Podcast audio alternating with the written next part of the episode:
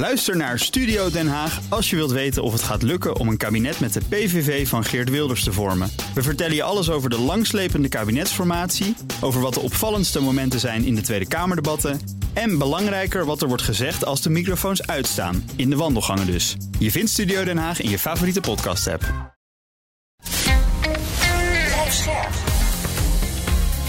BNR Nieuwsradio. Boekenstein en de Wijk. Hugo Reitsma. Welkom bij Boekenstein en de Wijk. Het is vrijdag, dag 394 van de oorlog in Oekraïne. Arjan, hoe gaat het aan het front? Nou, laten we maar bij Bachmoed uh, beginnen. Hè. Er zitten nog steeds 3500 burgers in de stad. Toch steeds zitten de Oekraïnse troepen in het centrum. En de wegen naar het westen zijn niet afgesloten. Uh, de Oekraïners zeggen zelf dat de Russen uitgeput zijn. Hè? Maar dat geldt vermoedelijk voor de Oekraïnse troepen natuurlijk ook. Hè? Uh, de kritiek vanuit de Wagnergroep is natuurlijk weer groot. Hè? Van, hm. Poetin, Poetin geeft niet aan wat precies de doelen zijn. En dat gedonder hebben we nu. En Prigozhin zegt dan ook van... Ik heb hem, ben helemaal geen nazi's tegengekomen in Ja, ik zag het, ja. En, en, en, hij zegt ook van uh, Oekraïne is aan het plannen voor een grote aanval. En er zitten 80.000 Oekraïnse soldaten rondom Bakhmut. Ik weet werkelijk niet of dat waar is, maar hij zegt het dus. Hè? En, en ze willen dus Bakhmut uh, veroveren en dan doortrekken naar Saporizia en, en, en de Zwarte Zee. Dat is wat hij zegt. Hm. En die meneer Igor Strelkov, weet je, die voormalig inlichtingofficier, die noemt op Telegram uh, Poetin een natte dweil. Ja, kijk, als je, als, je, als je kijkt naar de kaart, hoe Bachmoed uh, er nu bij ligt, dan is het echt bijna omsingeld hoor, voor drie kwart. Ja. Hm. en uh, dus het is ook wel levensgevaarlijk voor die Oekraïners om in die stad uh, dat, die gevechten te voeren. Uh, ja, Wagner, maar ook de Russische strijdkrachten, die komen niet heel veel verder. En er is inderdaad nog één ontsnappingsroute. Dat is die T0504 uh, snelweg. En als je dus op de kaart kijkt, dan ligt die dus inderdaad nog gedeeltelijk vrij. Maar die, kan, die ligt wel binnen schootsafstand uh, van, van de Russen. Dus nou ja, ik, het is een linker situatie hoor, moet ik, moet ik zeggen. Maar ik, ik vind dat er ook hele merkwaardige dingen op dit ogenblik aan de hand zijn. Kijk, Oekraïne die zegt wij gaan aanvallen. Wij gaan ook bij uh, aanvallen. We gaan een groot offensief binnenkort sta starten. Maar wie doet dat nou? Wie zegt dat nou? Ja. Dat is toch gewoon, dat is toch, dat moet je niet geloven. Dat is volgens mij een, uh, een methode om ervoor te zorgen dat je naar de verkeerde kant kijkt. Ja, concreet dat, zegt uh, Alexander Siersky dat, hè? de, de uh, ja. Oekraïnse commandant van de landmacht. Van de landzuidkracht, ja. exact. Maar dat hebben we natuurlijk eerder meegemaakt met die Oekraïners. Dat doen ze natuurlijk wel goed. En we zaten ook allemaal verkeerd te kijken. Uh, toen zij begonnen met dat offensief helemaal in het zuiden. En dat betekent dus uh, uh, dat wij in het noorden zaten te kijken en het begon in het zuiden. Nou, het zou ja. me niet verbazen als nu op dit ogenblik ook zoiets aan het uh, gebeuren is. En als je kijkt wat de Russen aan het doen zijn op dit ogenblik, dat is ook heel interessant. Ze halen troepen weg bij Bakhmut. Ja. Dus daar wordt het voor de Oekraïners wat, wat gemakkelijker. die gaan ze, wat in het jargon heet, redeployen, dus opnieuw inzetten. Uh, rond uh, uh, Afdvika. Ja, meer zuidelijk is dat, hè? Meer, dat ligt meer, meer zuidelijk. En tegelijkertijd zie je dat er overal sprake is van, het, van de bouw van Russische fortificaties. Maar, dat, ja, dat, maar aan de andere kant moet je ook constateren dat de Oekraïners, ook al zal Bakhmut vallen, dan wordt het nog lastiger voor de Russen om door te stoken door te stoten naar een aantal andere steden in de Donbass om de dood eenvoudige reden dat er sprake is uh, van uh, het preparing the battlefield. Dus het, het slagveld wordt voorbereid. Uh, met mijnen ligt dat bezaaid, ook fortificaties. Dus aan alle, al, alle kanten zie je dat gewoon toch behoorlijk vastlopen. En ik zie niet goed in hoe je daar onderuit zou moeten komen. En hoe je dat zou moeten oplossen. Wat ik interessant vind is dat de Russen zelf ook zeggen, de Russische krijgsmachtmensen, van ja, er komt natuurlijk een Oekraïns offensief aan, want die hebben steeds meer wapens. Hè? En met Vedev, weet je wel, de man die altijd met de kernwapen loopt te, te rammelen, die zegt ook van als ze dat gaan doen, als ze de Krim aanvallen, dan zullen we elk mogelijk wapen inzetten, dus, dus een kernwapen. Hè? En dat is natuurlijk precies ook, dat hoor je ook van de Amerikanen. Dat willen ze, dat willen ze niet. Maar hoe hebben. zou je de Krim nou moeten aanvallen? Als je dus, we hebben daar va- vaak genoeg over gesproken.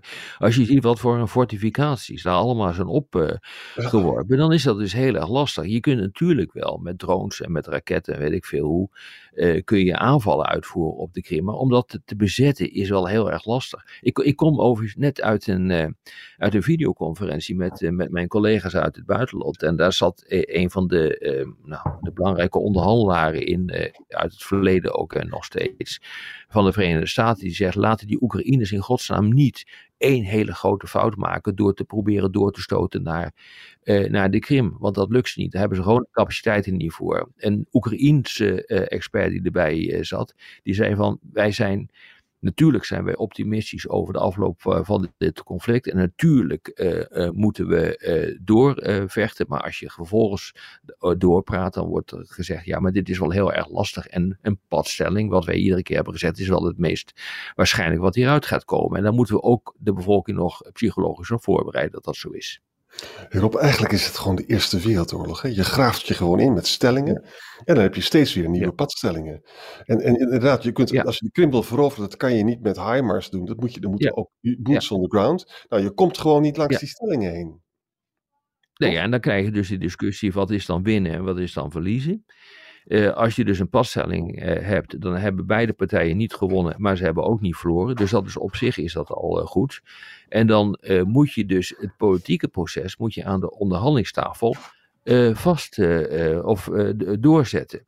En, en daar gaat het natuurlijk om. Hè. Veel mensen die verwarren een militair, de militaire situatie of een militaire overwinning of een militaire nederlaag met een politiek proces. En dat is natuurlijk niet zo. De, de, de echte afronding geschiet aan een onderhandelingstafel. Eh, of ten voordele van Rusland, of ten voordele eh, van Oekraïne, of een compromis eh, waar beide mee kunnen leven. Maar iets ergens komt er uiteindelijk uit, eh, uit de strijd. Overigens las ik eh, ergens een, een militair expert die zei dat Bakhmut misschien helemaal niet zo'n gekke plek zou zijn voor een Oekraïns tegenoffensief, omdat het daar natuurlijk een, een bewegend front is. Dus daar zitten de Russen niet zo goed ingegraven als op plekken waar het meer statisch is en waar ze eindeloze loopgraven en versperringen en mijnenvelden hebben aangelegd. Ja, maar de dat Russen zullen ook, nou, ik vind dat ook wel optimistisch gedacht. Het zou natuurlijk kunnen hoor. Ik, ik zou nooit zeggen van het kan niet. Eh, moet je die Poesin dus uitzetten, eh, Ja, die, is, die- die is op de boekenkast geklommen en die durft er nu niet meer van af. Oké, nou, dan gaan, gaan wij gewoon over Bakmoed verder eh, Sorry. Japoes eh allerlei toeren zit uit te halen. Maar, ehm, maar ja, nee, rond Bakmoed. ehm, ja, het is zo symbolisch dat de Russen ook wel door moeten vechten. Dus een, een, een, een verlies van Bakmoed kan. En je, dat heeft ook te maken met, die, eh, met het opnieuw ontplooien van hun strijdkrachten verder naar het zuiden. Maar het symbolische eh, verlies van Bakmoed is voor eh, Rusland echt tamelijk dramatisch hoor. Ja. Dus die zullen dat toch proberen te voorkomen. Maar ik zie ze nog niet winnen. Ik zie ze nog niet winnen. Nee, En kennelijk zit ze hartstikke vast. ja, En ja maar je, je, je, moet ook niet denken dat als ze Bakmoed pakken, nou ik heb het net gezegd, dat ze dan zomaar eh, kunnen doorstoten naar een aantal andere steden. Want eh, ja, daar, dat hele gevechtsveld, eh, dat is natuurlijk helemaal mm, vergeven van mijnen en van versterkingen. Ja, en dan, dan, dan knal je weer tegen het volgende obstakel op. Dus Ja. en, en, maar, maar de Russen, die doen dat ook. Dus ik zie niet goed op dit ogenblik met de kennis van nu. En we hebben echt onvoldoende gegevens. Hè? We weten niet precies wat er aan de hand is. Het is de beste analyse die we nu kunnen maken. En ik moet zeggen, eh, die, die, die maken mijn eh, collega's in het buitenland ook. Daar zitten we niet, echt gewoon behoorlijk op één lijn. En de rest is wensdenken op dit ogenblik. Ja, dat, dat, dat betekent dus gewoon dat die, dat die grote offensieven, eh, waar iedere keer over wordt gesproken, eh, dat die mogelijkerwijs ook gaan vastlopen. Ik hoop het niet voor Oekraïne, maar de kans is natuurlijk behoorlijk groot. Lijkt mij ook. Lijkt mij ook. Hey, als we de blik nou eens een beetje verbreden, er komen ook allerlei eh, geluiden over en uit het oosten van Azië die hier aan te relateren zijn. Hè? Ja, wat ik een heel interessante vond, eh, was de uitspraak van Shoigu, de Russische minister van eh, Defensie. Eh, die zei, naar aanleiding van het bezoek van de Japanse premier aan eh, Kiev, Ga niet zo de mieteren eh, in het eh, Verre Oosten. Eh, blijf van de Korillen af. Hm. Je weet, de Korillen, dat is een eilandengroep. Die loopt eigenlijk van Japan naar een Russisch schiereiland. Kamchatka. Dat is in 1945 door Rusland bezet. Japan claimt de vier zuidelijke eilanden daarvan. En die Korillen, eh, die zijn echt buitengewoon eh, belangrijk. Dat is een continu eh, frictiepunt tussen de Russen en, Hmm. eh, en de Japanners. En ja, kennelijk verwacht eh Shogui dat Japan gebruik kan maken van de relatieve zwakte, militaire zwakte van, van Rusland. Om bijvoorbeeld die Korillen eh, in te nemen. Ja, ik zie het niet gebeuren. Mhm. Maar goed, ik bedoel, het zegt ook iets over de geestesgesteldheid van die Russen, moet ik zeggen. Een beetje paranoïde zijn ze erop, op dat gebied. Hè? Ja. Ja. Ja, Maar Japan, ik- ja, ik zie dat nog niet zo gauw Japan dat doen hoor. Nee, ik ook niet. Nee. Nee, ik ook niet. Nee. Maar het, het grappige is, wat er dus even verderop gebeurt in de Zuid-Chinese Zee, is, nou, is enigszins vergelijkbaar. Hè? De Chinezen hebben gezegd, wij hebben een Amerikaans oorlogsschip eh, verjaagd. En dat Ja. gebeurt er bij de Paracel-eilanden. Dus die Paracel-eilanden, eilanden, daarvan zegt China, die zijn van mij. Ja, Eh, maar de Vietnamezen die zeggen ook, die zijn van mij. Hm. En eh, er is een uitspraak geweest in 2016 door het permanente hof van arbitrage hier in Den Haag. En die heeft gezegd, China heeft echt absoluut geen recht om die eilanden te claimen. Maar dat doen ze dus toch. En dus eh, dit is een vrij principiële kwestie. eh, want de Amerikanen zeggen, wel ja, we zijn gewoon bezig met freedom of navigation operaties. Dat zijn operaties om duidelijk te maken dat Hugo de Groot nog steeds springlevend is in, eh, de Zuid-Chinese zee. Dus je mag er gewoon doorheen varen. Dat mag ook volgens het internationale recht. Maar ja, de Chinezen zeggen: ho, ho, ho, dat is van ons. Dat zijn onze territoriale wateren. Of onze exclusieve economische zone. Daar mag je helemaal niet komen. En dus ook daar zie je dus weer eh, dat, dat gesodemieter. Eh, waarbij groot, grootmachten bezig zijn om hun invloedssfeer af te bakenen. Om ervoor te zorgen dat in dit geval China geen invloedssfeer kan creëren. Dat is, dat is niet fijn hoor. En China heeft expliciet gezegd in, in reactie op dat oordeel hè, van het eh, Haagse gerechtshof, het internationale gerechtshof, dat ze het niet erkennen. Dat ze dat naast zich neerleggen. Dus dat hun liefde voor het internationaal recht in die slotverklaring valt dus ook wel mee. Hè? Maar die hele, hele slotverklaring met, met al die punten waar we het de afgelopen dagen zo over hebben gehad, is natuurlijk gewoon één grote waanzin. Laten we nou wel wezen. Soevereiniteit. Ja, ik bedoel, eh, wat moet je daar nou van zeggen? Hoe moet je dat nou eh, netjes zeggen? Hoe die, eh, hoe die Russen en die Chinezen daarmee omgaan. Ja. Hey, maar is er een risico dat via dit soort wegen, er zijn natuurlijk zoveel meer conflicten, dat, dat de oorlog zich op een of andere gekke manier uitbreidt? Ja, dat, eh, dat kan. Eh, andere mogelijkheden zijn dat in één klap eh, Israël met deze regering zijn kans schoon ziet om verdere acties te ondernemen in het Midden-Oosten. Want ze denken, nou de Amerikanen die zijn toch Ja. niet, niet bij machten om iets te gaan doen. Dus Ja. moeten wij het maar gaan doen. Maar wat er nu ook weer onlangs is gebeurd met de Amerikaanse aanvallen op vestigingen, om zo te zeggen, van Iraanse strijders in Syrië. Ja. Is natuurlijk ook veelzeggend. Hè? Dat gebeurt dus ook maar. En je ziet dus ook dat ook in, in Syrië de prikacties zijn eh, van pro-Iraanse strijders tegen de Amerikaanse ba- eh, basis die nog in Syrië is. Hè. Die Amerikanen zitten nog steeds met, nou wat is het, 900 man in Syrië. En die worden dus nu gewoon aangevallen. Mhm. Dus als, als je ziet eh, wat er gebeurt, dan is het dat men van elkaar denkt van, oh jee, de tegenstander die wordt zwakker. Dus we kunnen nu ons iets permitteren. Hm. Dat gebeurt denk ik op dit ogenblik in, eh, eh, in Syrië. Eh, maar ook wordt er gedacht van, oh, misschien neemt een ander wel het, het initiatief. Dat gebeurt dus bij de Korillen.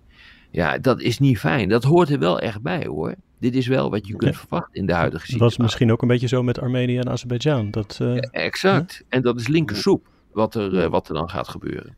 Kan zomaar verbreden. Hè? Ja. Jongens, eh, de, de, de Oekraïners wachten nog op het telefoontje van Xi. Hè? Dat moeten we nog Ja. even nog behandelen. steeds. Ja. Ja, Ja. en ze hebben hele goede eh, relaties wel met China. En ook, ook hiervoor al, hè, maar dat lukt allemaal nog Ja. niet. En Sanchez die gaat dus naar Xi toe de komende dagen. Spaanse premier. Ja, om de Ja. 50-jarige diplomatieke betrekkingen tussen Spanje en, en China te vieren. En Sanchez hoopt dan ook dus de, de, de vredestichtende rol van Xi te stimuleren. Ja? En hij heeft dus ook contact met de Oekraïne. De kans dat dat slaagt lijkt me niet erg groot, want dan zouden de Chinezen het wel gedaan hebben. Hè? Maar goed, het gaat wel uh, plaatsvinden. Hmm. Ja, van grappig trouwens. Hè? Ik bedoel, ja, over die vredestiggende rol. Shogun werd gevraagd, hè, de minister van Defensie van Rusland, uh, door een interviewer, uh, een journalist.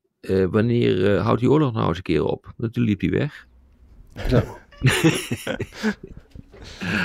zo liep hij weg. Oh, ja. Ja. Ja. Nou, nog één dingetje van de eerste vier van de dertien Slovaakse MIGs uh, zijn naar Oekraïne. Hm, ja. Ze zijn zo oud dat ze dus vooral voor reserveonderdelen uh, gebruikt gaan worden. Ja, zijn natuurlijk, uh, die stammen uit een voormalig tijd, tijdsgevricht, hè, toen de Sovjet-Unie nog bestond. Ja. En Amerika geeft Slowakije ter compensatie Viper aanvalhelikopters hè? Mhm. en Hellfire Air-to-Air Service missiles. Maar het is dus nu wel begonnen. Hè? Polen heeft vorige week ook uh, MIGs toegezegd. Dus zou het kunnen dat dit een begin is, zoals het ook met de tanks ging, van, uh, van meer gevechtsvliegtuigen? Nou ja, zo voor, kijk, voor zover het oude Sovjet-meuk betreft, kan je dat wel doen.